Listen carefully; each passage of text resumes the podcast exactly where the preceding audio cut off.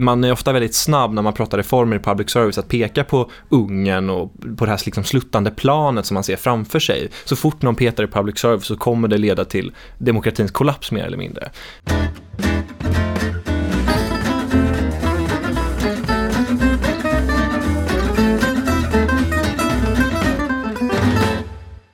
Hej och varmt välkomna till Smedjan-podden och årets tredje avsnitt. Jag heter Karin Svanborg Sjövall och jag sitter här med Maria Eriksson som är redaktör på Smedjan. Hej Maria! Hej! Idag ska vi prata om huruvida Emmanuel Macron är på väg att göra en Viktor Orban med fransk public service. Och dessutom få höra om det är möjligt att göra bra teater av monetarismen. Eller åtminstone av ekonomen Milton Friedmans vindlande liv och idéer. Vår högt värderade kollega Caspian Rebinder har gått på teater och ska bjuda oss på en recension. Men vi börjar med public service som råkar vara ett specialintresse för dagens första gäst. Carl Vincent Reimers som är projektledare för Näringslivets medieinstitut. Varmt välkommen. Tack så mycket. Du har ju skrivit en text i Smedjan den här veckan där du citerar just Emmanuel Macron den franske presidenten, där han beskriver fransk public service som en citat skam för medborgarna. Ja, för republiken, la republik. Precis, för republiken. Det är ju ord och inga visor. Vad liksom, i hela friden menar han med det? Ja, alltså det är lite svårt att veta vad, vad han menar med det just, men, men det var ju, han tog ju till väldigt hårda ord på ett eh, möte med ett antal parlamentariker eh, när han pratade om public service, eller fransk public service. Och det här var ju 2017. Eh, och det han menade egentligen, det var ju det att eh, han, han klagade framförallt på några saker. Det var framförallt ledarskapet i public service som han tyckte var slappt och dåligt. Eh, han tyckte att de hade dåligt budgetkontroll. Eh, han tycker också att Frankrike har ett väldigt eh, fragmentiserat system med public service. Eh, lite som i Sverige, alltså att man har ganska många bolag som delar på ganska mycket pengar eh, och, och, och, ingen direkt liksom ehm, eh, uppföljning när det gäller hela verksamheten. Eh, och det var väl egentligen det då han klagade på. För det är ju ett ganska rejält besparingsprogram också som mm. ligger i korten just nu. Så är det. Det är 400 miljoner som eh, euro då som, som eh, finns med i den här eh, reformen som lades faktiskt på bordet redan 2018 av dåvarande kulturministern i Frankrike men som då kommer inledas i år. Och man har sagt att i april så kommer det här att sjösättas då.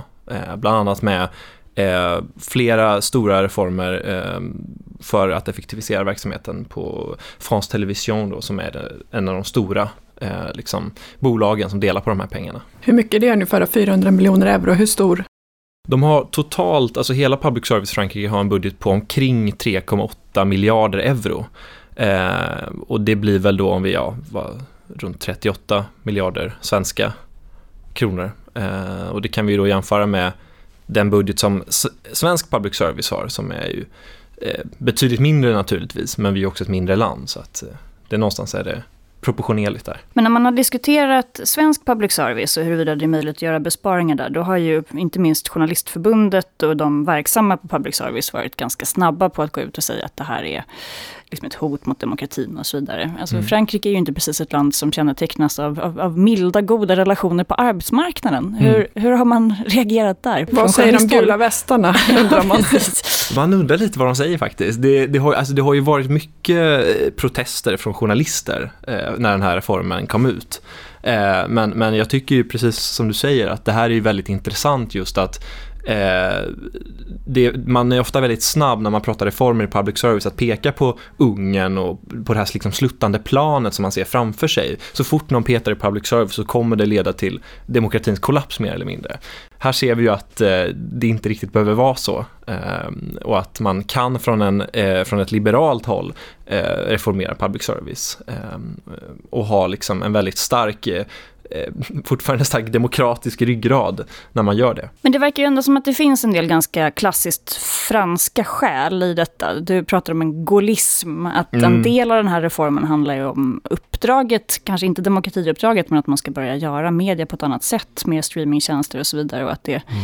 om jag förstår det hela rätt, verkar vara ganska motiverat av att man uppfattar ett visst hot från vissa internationella aktörer här. Så är det, garanterat. Eh, och det, det, det, finns ju med också hela i reformen, bland annat det faktum som du säger, man vill utveckla streamingtjänster och att man vill då eh, skapa en slags fransk eh, public service-konkurrens mot eh, dels då Netflix och Amazon och de här stora bolagen. Och den här debatten har ju en, en lite annan roll i Frankrike än i Sverige. Alltså de, man, man, ser de här aktörerna som ett betydligt större hot mot då, kanske inte bara det franska men också den europeiska kulturen i, i större bemärkelse. Och det är ganska roligt också när man tittar på vissa av de här förslagen som finns i reformen så finns det bland annat då att Eh, man, man, kommer då eh, ställa ett krav på Netflix och Amazon och de här, eh, här plattformarna att 25% av deras eh, realiserade intäkter i Frankrike måste återinvesteras i då fransk och europeisk filmproduktion. Så att det är liksom inte bara då det franska nu som är i fokus utan det är också det europeiska och det kan man ju se en viss koppling till då Macrons vilja att på något sätt eh, värna den europeiska kulturen. Sen, sen om det här är rätt sätt att göra det, det, det, det vet jag inte. Från svensk liberalt håll kan det kännas väldigt främmande med den typen av detaljregleringar. Men även här så satsar ju SVT på streamingtjänster och jag tycker, liksom mitt intryck är mm. att det finns mycket mera filmer och tv-serier idag, till exempel på SVT. Och det kanske ja. också är ett sätt att liksom möta Netflix Ja, men absolut. De har ju liksom, de, de, de ser ju det här också och där tror jag faktiskt att, eh, att svensk public service ligger lite längre fram i utvecklingen eh, av, av digitala tjänster än vad Frankrike har gjort. Eh, man har varit ganska dåliga på det här med streamingtjänster utan det är ganska mycket fortfarande marksänd tv liksom som är, som är basen.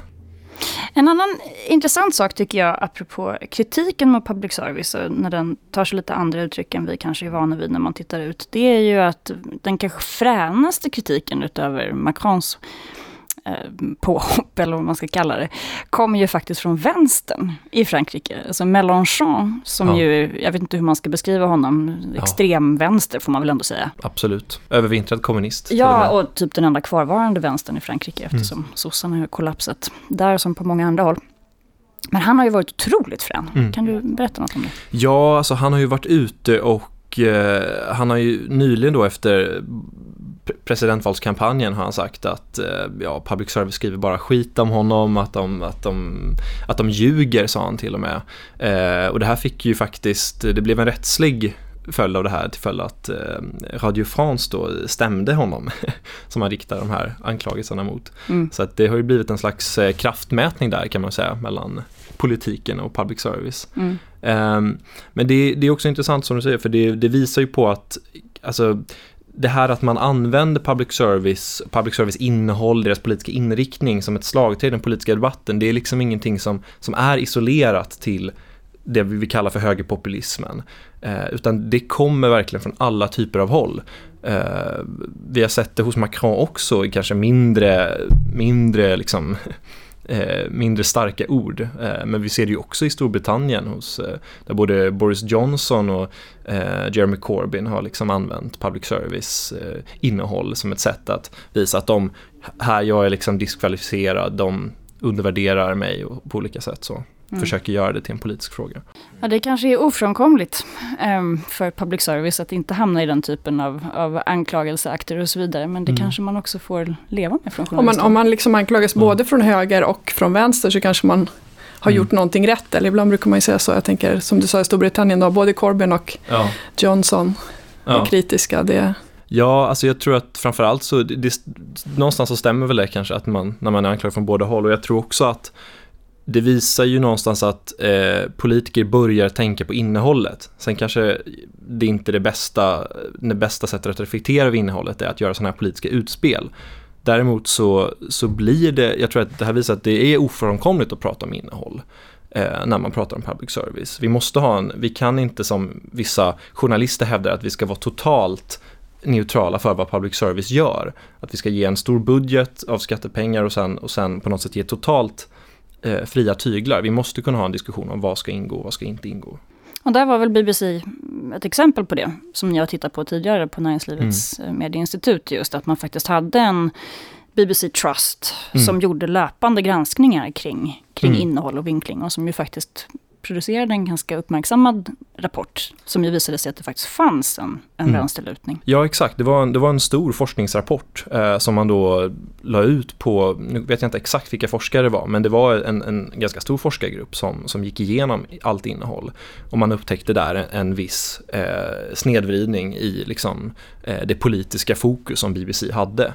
Eh, vi har ju då, eller Näringslivets medieinstitut, vi har ju också där på flera sätt gått igenom sakfrågor i SVT på ett såklart mycket mindre, mycket mindre, mycket mindre studier eller mycket mindre undersökningar. Men, men som visar på en liknande, ett liknande, en liknande vinkling egentligen. Mm.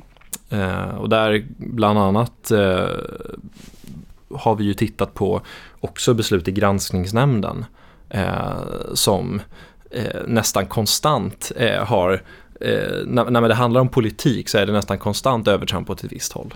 Mm. Och där var väl, just granskningsnämnden var väl, det finns ju en fransk motsvarighet, mm. och som, som väl också fick en hel del hård kritik, men från Macron. Ja, exakt. Och, och, det är ju rätt intressant där, för att i den här reformen så ingår ju bland annat att man ska frånta den här granskningsnämnden en del eh, en del makt nu faktiskt. Eh, bland annat då när det gäller att hur man utser cheferna för public service-bolagen. Att hittills har de utsetts direkt av myndigheten. Nu så kommer de istället att utses av en styrelse då, där faktiskt eh, staten är i minoritet. Ehm, och det är väl, tycker jag, som, som, liksom värnare, som värnar liksom pluralismen och, och, och på någonstans det här armslängds avståndet från staten är väldigt viktigt. Eh, så där går man ju rätt håll skulle jag säga. Men, men vad tycker du av den här franska reformen? Att man kan liksom, finns, vad kan vi inspireras, inspireras här i mm. Sverige av den? Liksom, finns det? Ja, alltså jag tror det främsta, den främsta motivationen här borde ju vara liksom att på något sätt visa för alla, alla i public service som på något sätt tror att alla reformer av public service skulle vara högerpopulism kan man ju visa att så här det behöver det verkligen inte vara. Utan eh, det finns här en väldigt stark eh, liberal ideologisk kritik av public service som egentligen, mycket, skulle jag säga, mycket bottnar i att public service är en modell som är skapad av 1900-talets eh, liksom massekonomi. Det är under jag menar, en ganska lång tid, om vi tar efter Berlinmurens fall, så har ju ett antal stora liksom, statliga verksamheter utsatts för en liberal kritik. Och många, har haft, många välfärdssektorer har haft ganska svårt att liksom skydda sig från det här, utan det har, det har gett olika konsekvenser. Men just när det gäller public service så är det på något sätt som vi fortfarande är i 1900-talets logik. Eh, och vi, har liksom, vi diskuterar inte just eh, ehm, alltså just värdet av genuin pluralism eh, i media på samma sätt som vi gör i, i andra välfärdsområden. Kan man men, men då är det inte i första hand liksom nedskärningar som är den viktiga frågan utan det är en större reform mm. som, som du är inne på egentligen. Ja, jag tror att, eh, jag tror att eh, alltså nedskärningar i sig, alltså valuta för skattepengar, det är ju en del och, och just det här, vad ska vad ska public service fokusera på? Det har ju flera riksdagspartier redan lyft, bland annat Moderaterna då. Eh, och lite det här, det har blivit det här jargongen att prata om feta hundar i public service och annat. Liksom.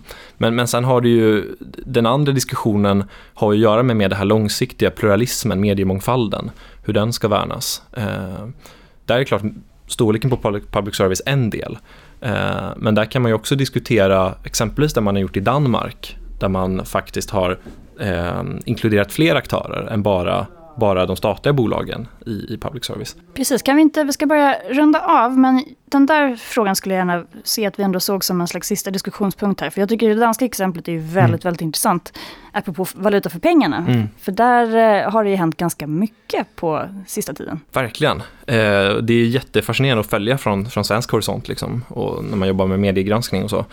Eh, men där är det ju, dels så har det ju varit en en generell budgeteffektivisering på runt 20 procent i Danmark som inleddes här för ett par år sedan.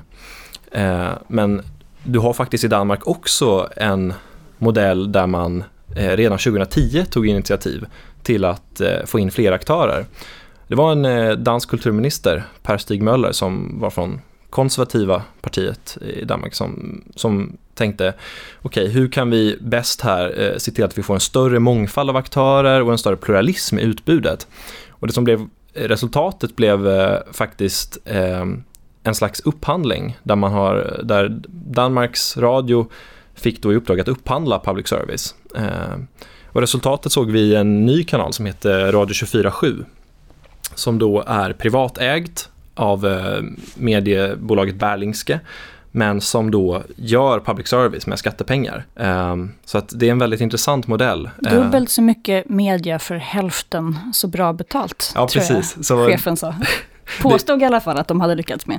Exakt, man får väl ta det lite, kanske med en nypa salt, men, men, men det är ju ändå en, en, en, en vittnar ändå om en bra ambition tror jag, mm. från, mm. från deras sida. Och jag tror också att när vi pratar just journalistisk frihet så kan den här modellen verkligen erbjuda något. Samtidigt som man inser att även detta eh, innebär ju inte att man inte är politiskt sårbara, för nu lägger ju denna radiokanal ner. Yes. Tack vare Dansk Folkparti. Det är ja. i sig en intressant historia. Ska vi avsluta med den? Ja, det är verkligen en, en det visar ju verkligen mycket på dubbelheten i det här, eh, när man ger politiken ramar att påverka. För ja, det som har hänt är egentligen att Eh, uppdraget för Radio 24-7 som var väldigt framgångsrik kanal löpte ut här för, för ett par år sedan. och då var det en omförhandling mellan, mellan de danska riksdagspartierna eh, vad, man, vad man nu ska göra. Och där kom ett krav från Dansk Folkeparti att man, eh, man ville se, officiellt så sa man att man ville se en större regional spridning i public service. Och därför eh, la ett krav att den här kanalen måste flytta till Jylland eller man sa inte Jylland specifikt, men man sa ett antal kilometer från Köpenhamn. Men det finns inte så mycket val i Danmark som man 70, tänker geografiskt. 70 procent av redaktionen skulle vara placerad ja. minst 110 kilometer från Köpenhamn. Exakt, jag så jag tänker det blir väl Bornholm eller Ja. Men det blev Jylland. Eh, men, men, men svaret då från redaktionen var att eh, det här köper inte vi helt enkelt. Um, och det tror jag, jag tror det dels hade att göra med att man eh, från, från Radio 24-7s uh, synvinkel så såg man det här som ett politiskt övertramp. Man såg det också som ett slags ett straff skulle jag nog vilja säga för, för den politiska satir som Radio 24-7 har, har bedrivit väldigt framgångsrikt. Inte minst mot Dansk Folkeparti. Mm. Um, så att här finns det, ja, det finns en, en, en konflikt här. Um, och det man sa då var egentligen att nej men vi, vi lägger ner kanalen. Sen i sin tur har det också givit motreaktioner och man har man, då ville man från danskt håll eh, säga okej, okay, vi, vi försöker hitta en ny lösning eh, och man skräddarsydde där en, en, ny upphandling så att kanalen skulle kunna fortsätta.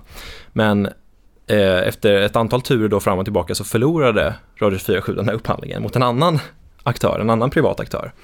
Eh, så att nu kommer den gå i graven. Men eh, å andra sidan så så visar ju det här att den här modellen funkar ganska bra skulle jag nog ändå säga. Trots, trots det här med eh, kravet på att flytta till, till Jylland och allt vad det är så, så, så fortsätter ju faktiskt den här modellen med upphandlad public service att fungera. Och jag träffade själv en, en, en journalist eh, som har arbetat på Radio 47 i somras här i, i, i Almedalen och som sa att eh, hon hade extremt mycket större alltså journalistisk frihet när det gällde att arbeta än vad hon hade på Danmarks Radio och kunde där verkligen se hur en fri liksom, medieaktör inte bara kan tillföra pluralism i form av innehåll men också i form av den här journalistiska friheten som många känner att man faktiskt saknar idag på public service. Så slutsatsen är väl kanske att det inte verkar finnas något perfekt system för public service där ute men att det i vilket fall som helst finns ganska många alternativ till svensk public service och Viktor Orban. Så är det,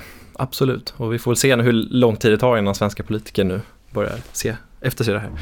Stort tack för att du kom hit. Tack så mycket. Och med detta så lämnar vi Danmark och ämnet public service och går in på, på kultur istället. Och då skulle jag vilja välkomna Caspian till studion. Tack så mycket. Caspian, du har ju gått på teater. Eh, och den fråga som infinner sig är förstås, är det möjligt att göra kuplett av Philipskurvan. Ja, det är det bevisligen. Det här är ju någonting, eh, jag har ju varit och tittat på någonting så ovanligt som en musikal om en nyliberal nobelpristagare i nationalekonomi. Det låter eh, helt absurt. Det låter helt absurt, men det blev faktiskt eh, förvånansvärt bra måste jag säga. Eh, det är alltså en, en eh, teatergrupp som, har, som heter Östfronten, som har satt upp en, kan man säga, en biografi över Milton Friedman. Och eh, hur han eh, går från, eh, från en inte jättefattig, men en familj som inte har det superflott till att bli en av världens mest inflytelserika ekonomer och politiska opinionsbildare. Så tycker du att de klarade av det här? Vad, vad skulle du säga var liksom bäst kontra sämst? Jag måste uppriktigt säga att jag såg den här på Teatertribunalen i Stockholm, som är en socialistisk teater, som själva skriver att de prioriterar eh, jag minns inte exakta orden, men kamp och samhällsförändring högre än estetiska upplevelser. Så jag hade inte jättehöga förväntningar på opartiskheten i den här uppsättningen eh, och blev väldigt positivt överraskad. Eh, det här är en pjäs, eller en musikal som lägger sig väldigt nära verkligheten väldigt, eh, och på ett trovärdigt och ärligt sätt försöker sätta sig in i hur Milton Friedman ser på världen, hur hans Eh, intellektuella och politiska utveckling såg ut, vilka motsättningar han stötte på under, på vägens gång. Jag måste ju säga så här, om man läser recensionerna var det ju inte uppenbart att, det skulle, att man skulle förhålla sig till den på, på just det sättet. Jag tänkte, jag läste Leif Sahn bland annat i DN, han skrev så här. Pianisten Anton Glansholm håller tempot uppe i denna smokingklädda pastisch på en 20-talsrevy. Det räcker med ett leende och några kupletter för att nyliberalismens gloria ska hamna på sned. Jag tror det säger mer om recensentens förförståelse av nyliberalismen än vad det faktiskt säger om den här pjäsen. Eh, och det får jag väl också inflika. Jag tycker att ganska många av de recensenter som jag har läst inte verkar helt inlästa på Milton Friedman och hans idéer. Och det kanske inte är helt förvånande att eh, teaterkritiker inte har nationalekonomer som sina husgudar. Eh, men har man lite bakgrundskunskap med sig i hur ekonomin fungerar, hur, hur marknaden fungerar och vad Milton Friedman hade för betydelse för eh, politiken och eh, den ekonomiska vetenskapen, eh, så tycker jag att det blir mer roligt belysande än en sarkastisk kommentar. Men det förklarar alltså Friedmans ekonomiska idéer i en musikal, eller? Inte på djupet, men de har en jättefin sång om marknadstransaktioner som illustreras med att Milton eh, köper en burk kvarg av sin fru Rose Friedman och så sjunger de om hur bra priset kan sättas om alla inblandade gör det av fri vilja och eh, hur dåligt det blir om man blandar in eh, prisregleringar, skatter, kartellbildning, monopol och liknande. Eh, det är väldigt pedagogiskt. I en ännu mer avancerad övning så sjunger sedan Rose Friedman en vals om Philipskurvan, alltså relationen mellan inflation och arbetslöshet. Eh, ekonomen eh, Phillips som ju hittade ett samband och konstaterade att när inflationen är högre, går upp så går arbetslösheten ner och vice versa. Och det här tolkades ju av många som ett skäl till att ha ganska hög inflation så att man kan få låg arbetslöshet. Och här var ju Milton Friedmans förutsägelse att det här är bara en kortsiktig effekt. Eh, på längre sikt kommer människor anpassa sina förväntningar eh, och vi kommer riskera att se både hög inflation och hög arbetslöshet.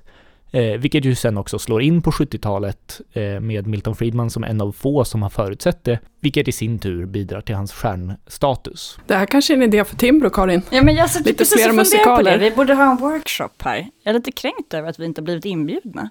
Nej, men sätta upp en musikal processen. för att förklara någonting istället för att publicera en rapport kanske. Ja, hur många briefing papers tål Sverige? Precis. Det kanske är, liksom, det är kupletten som är, som är framtiden. Det går ju ändå inte att komma ifrån att Milton Friedman, som ju annars verkar ha varit en ganska omtyckt person, eh, ovanligt omtyckt för att vara nationalekonom, jag på att säga, och kanske framförallt på, på den klassiskt liberala bogen. Eh, han, eh, hans eh, levande eller hans eh, rykte har ju ändå blivit lite fläckat. Eh, inte minst då av ett en viss diktator i Chile. Hur tar man sig an den frågeställningen och gör man det på ett, på ett rättvisande sätt tycker du? Eh, ja och nej är alltså svaret på de två respektive frågorna. De tar sig an det. Eh, Milton Friedman besökte ju Chile eh, i mars 1975 där då Pinochet, diktatorn, var fortfarande ganska ny brutal och illa omtyckt eh, på väldigt goda grunder. Eh, så som diktatorer gör så eh, mördade, fängslade han oppositionella, han ja, eh, inskränkte pressfriheten, han betedde sig så som en diktator förväntas bete sig. Eh, och inte då på gott och ont utan på ont.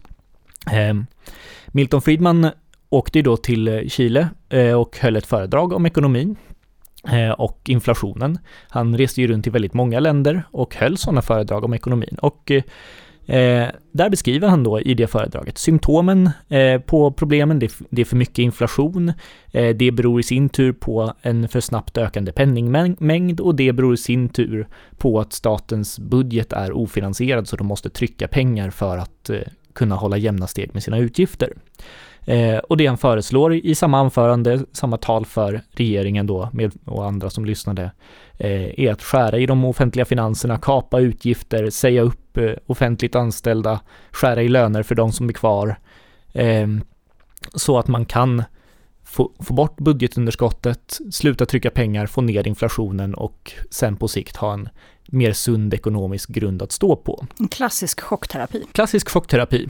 Eh, och eh, han, skriver, han säger också det att det kommer vara kortsiktigt smärtsamt men eh, långsiktigt eh, nödvändigt. Det är enda sättet att, eh, enda sättet att lösa de ekonomiska problem Chile stod inför. Betyder det här att han är en medlöpare med en brutal diktatur? Eh, lustigt nog så är det en kritik som bara verkar komma i samband med Chile.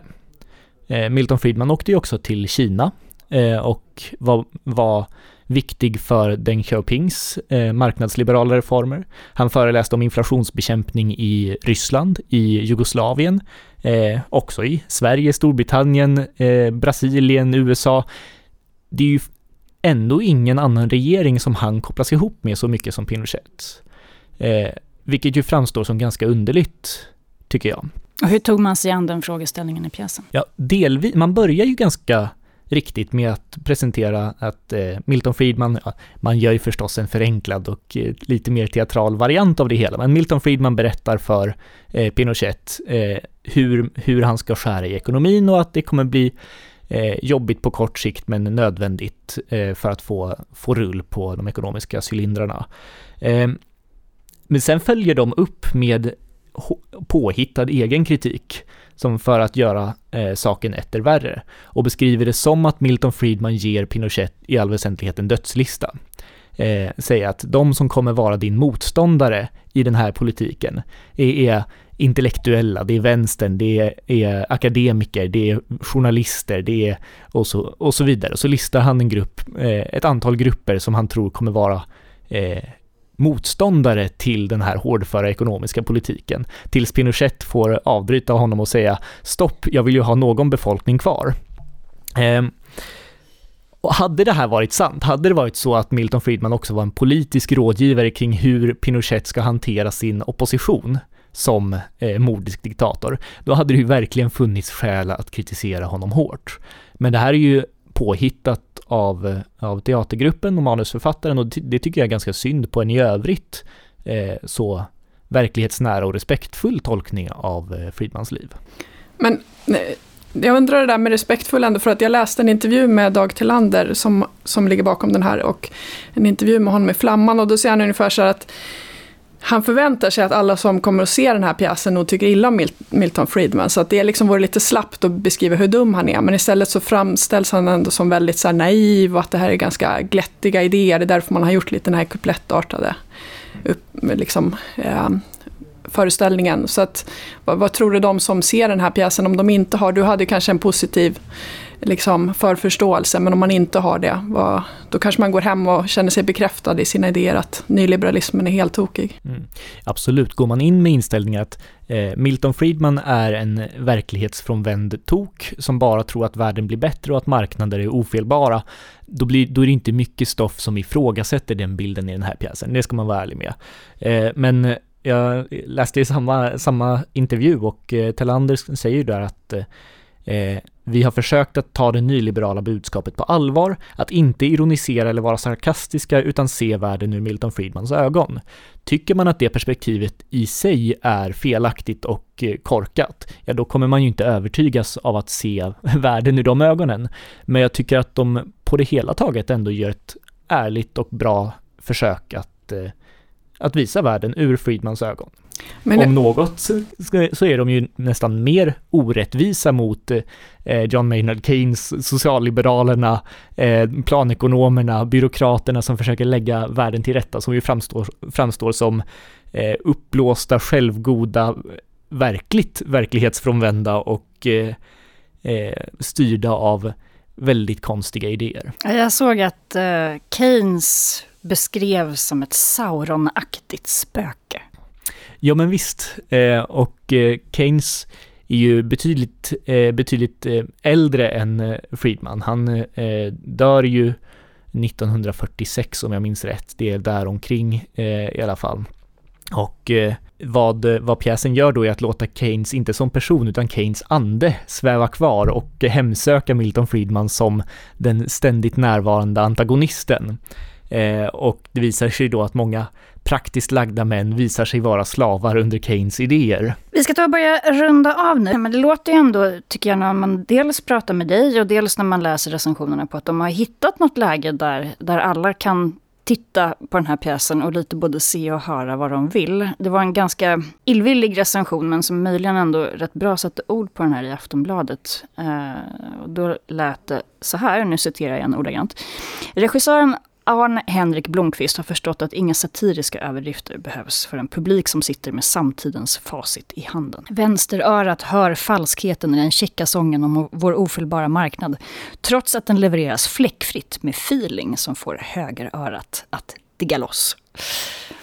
Kände du att ditt högeröra diggade loss till slut? Är det tillräckligt mycket i alla fall för att kunna rekommendera eventuella högeravvikande lyssnare att gå och titta på denna pjäs? Absolut. Eh, jag tycker att den, den pjäsen ramas in av en pastisch på något slags högergubbar som eh, vill, som väljer att bortse från verkligheten och istället vara glada nyliberaler. Den pastischen är ganska fånig och kan man bortse från. I övrigt så är innehållet eh, härlig lyssning för ett högeröra. Så den här estetiska upplevelsen var ganska bra trots allt då? Absolut. Det låter ändå som att Trollkarlen från Chicago är en musikal som Smedjan-podden kan rekommendera till våra lyssnare. Det tycker jag. Varmt tack för att du kom hit Caspian och varmt tack till er som lyssnar.